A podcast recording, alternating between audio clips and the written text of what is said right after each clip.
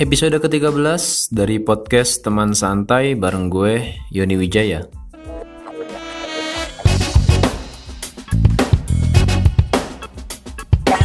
Assalamualaikum warahmatullahi wabarakatuh semua para calon jenazah. Anjay. Calon jenazah. Ya karena kita semua nantinya bakal mati cuy. Ya kan kita diciptakan dari tanah dan bakal balik ke tanah. Hihi Uh, di episode ke-13 kali ini dari podcast teman santai, gue bakal uh, lebih ke bercerita aja tentang siapa gue, ya. siapa orang di balik suara ini. Mungkin dari teman-teman semua yang belum kenal gue, yang belum tahu gue, ya mungkin bertanya-tanya, ya elah ngarep banget sih gue kayak ada yang nanyain. Tapi nggak apa-apa, gue di sini bakal bercerita aja tentang siapa gue gitu kan. Aku siapa, siapa aku gitu. Aku siapa, kamu siapa? Ya, nggak itu, nggak gitu, nggak gitu. Itu punya orang, beda. Oke. Okay. Uh, eh, dimulai dari yang pertama aja kali ya. Sama gue perkenalkan. Wanjay Udah kayak orang-orang baru yang ini tau gak sih lu? Kayak baru masuk sekolah atau di kerjaan atau di mana lah lu jadi anak baru gitu. Perkenalan dulu nih ya kan? E, Nama gue Yoni Wijaya. Gue lahir tanggal 7 Juni tahunnya 1997 Berapa sih kalau 97 ke 2020 nih? 23 kali ya ya sekitar 23 lah ya kan? Gue anak pertama dari enam bersaudara jadi gue punya adik lima. Jadi anaknya bapak ibu gue itu ada enam gue anak pertama dan uh, gue punya adik lima dua cewek sisanya cowok. Dua cewek itu yang terakhir sisanya cowok semua. Uh, gue dulu waktu ini waktu apa ya Waktu kecil hidupku amatlah senang. nggak nggak. Ini langsung ke ini aja kali ya. Ke pendidikan kali. Jadi gue sekolah SD alhamdulillah gue 6 tahun tamat dan itu gue mulus naik kelas terus tanpa gak naik kelas ya kan alhamdulillah habis 6 tahun SD gue lanjut ke SMP gue SMP juga alhamdulillah tiga tahun mulus nggak ada cacatnya. Oh anjay. Dan alhamdulillah SMP gue juga dapat SMP negeri yo habis itu setelah SMP ya seperti umumnya orang-orang ya kan itu gue lanjut ke jenjang berikutnya.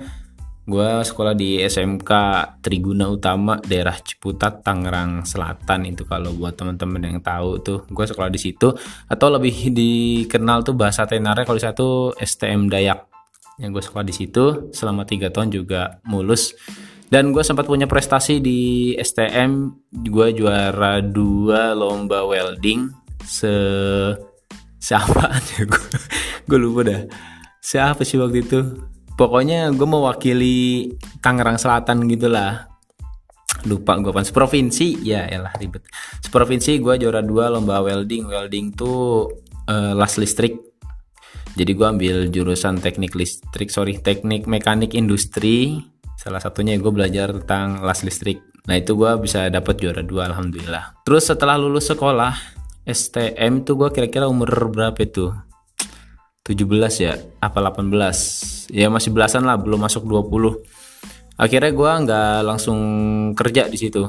Jadi setelah lulus SMK kalau teman-teman gue sih umumnya pada langsung sibuk nyari kerja gitu kan pada nyari-nyari kerja ngelamar-ngelamar kerjaan sana sini ya kalau gue nggak terlalu mikirin itu karena emang e, sebelumnya gini mungkin buat teman-teman yang belum tahu jadi gue itu sebenarnya adalah sekarang nih sekarang ini gue adalah seorang siswa atau bisa dibilang santri di sebuah pondok pesantren gede nah gue setelah lulus STM itu gue e, mondok gue mondok di salah satu pondok pesantren. Gue mondok selama kurang lebih dihitung-hitung tuh dua tahun lah. Dua tahun gue mondok plus udah jadi apa ya kalau bisa dibilang ya guru ngaji kali ya. Gue jadi guru ngaji gitulah. Ustadz ulama syekh anjir ketinggian. Guru ngaji lah. Gue jadi guru ngaji terus jadi gue ngajar ngaji itu di daerah Kalimantan jadi di pondok gue ini emang programnya seperti itu teman-teman. Buat siswa-siswinya atau santri santrinya yang udah lulus dari situ dikirim ke kota-kota seluruh seluruh dunia atau seluruh Nusantara lah di Indonesia. Itu untuk ngajar ngaji di tempat-tempat yang emang udah ditentuin gitu kan. Kebetulan gue dapet tugas di daerah Kalimantan gue tugas di daerah Kalimantan kurang lebih sekitar satu tahun setengah. Itu gue di sana ya kan? Ya berbagai macam cobaan rintangan tantangan anjay.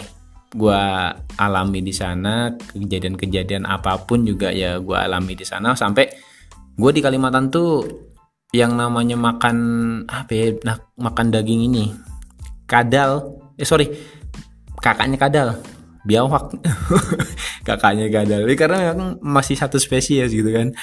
Gue makan kadal eh makan biawak anjir kadal mulu. Makan biawak tuh gue baru di Kalimantan itu. Dan yang lain-lain lah pokoknya yang gue nggak pernah jumpain di rumah. Uh, rumah gue di daerah Jakarta Selatan di daerah Pesanggerahan.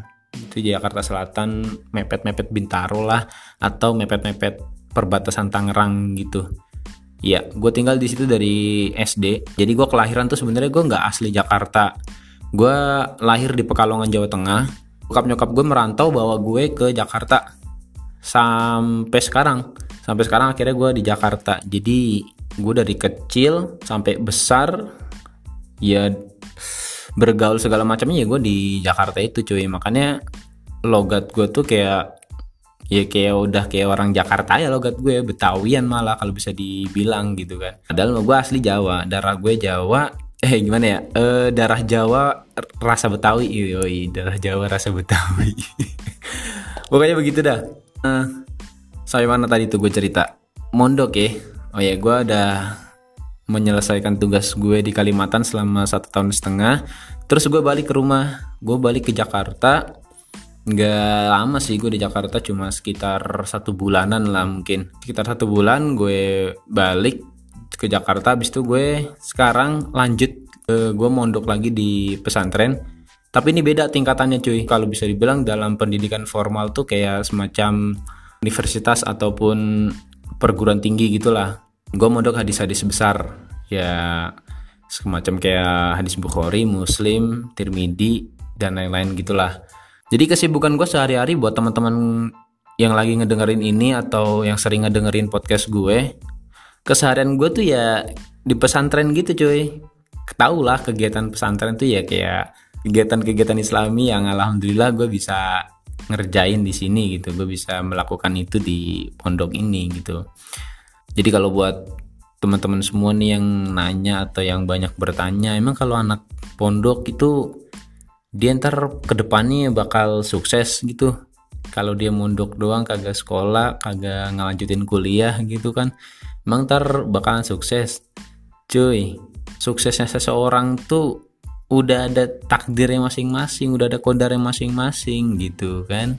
Biar kata lu mau kuliah sampai S3 juga kalau kodarnya lu miskin ya miskin kalau kodar maksud gua bukan miskin banget gitu. Maksud gua kalau emang kodarnya lu belum dapat kerjaan ya lu bakal belum dapat kerjaan. Cuman balik ke orang yang mungkin didikannya biasa atau dia bisa dibilang nggak sekolah nggak punya gitu kan. Kalau dari bagus dia sukses bisa aja dia sukses lebih dari lu gitu. Ngerti gak jadi emang udah ada kodarnya masing-masing gitu udah ada takarannya masing-masing. Buat kalian-kalian nih mungkin yang sejurusan sama gua ya. Yang mungkin sama-sama lagi mondok kalian tuh kayak melihat teman-teman kalian kayak udah sukses atau lebih dari kalian kalian jangan ngeluh men. Udah jangan ngeluh. Gue yakin lu tahu ya kan? Gue tahu lu lu bakal ngerti ini udah ada relnya udah ada jalannya gitu. Jadi santai aja jalanin nih enggak uh, terus selanjutnya perkenalan gue apalagi nih? Um, nikah kali ya. Target. Target-target tuh kalau di umur gue sekarang tuh kalau teman-teman gue ya teman-teman gue tuh ya udah banyak sih yang merit bahkan udah punya anak satu dua tiga tiga puluh. Nggak nggak nggak. Ya baru sekitar punya anak satu sampai dua lah itu teman-teman gue. Pantaran gue tuh rata-rata segitu. Yang cewek tapi kalau yang cowok ya belum pada nikah semua iya emang pada takut nikah semua kali atau nggak tahu gue gimana. Jadi kalau untuk nikah gue sendiri sih nggak ada target harus umur berapa gue nikah ya. Penting pas gue emang udah siap gue udah mau calonnya ada ceweknya ada bokinnya ada ya udah gue gue nikah gitu. Kalau belum ada ya udah sih. Gue ngejalanin yang sekarang harus gue jalanin aja gitu ya kan Oke, gitu aja dari gue, Yoni Wijaya, podcast teman santai. Enjoy.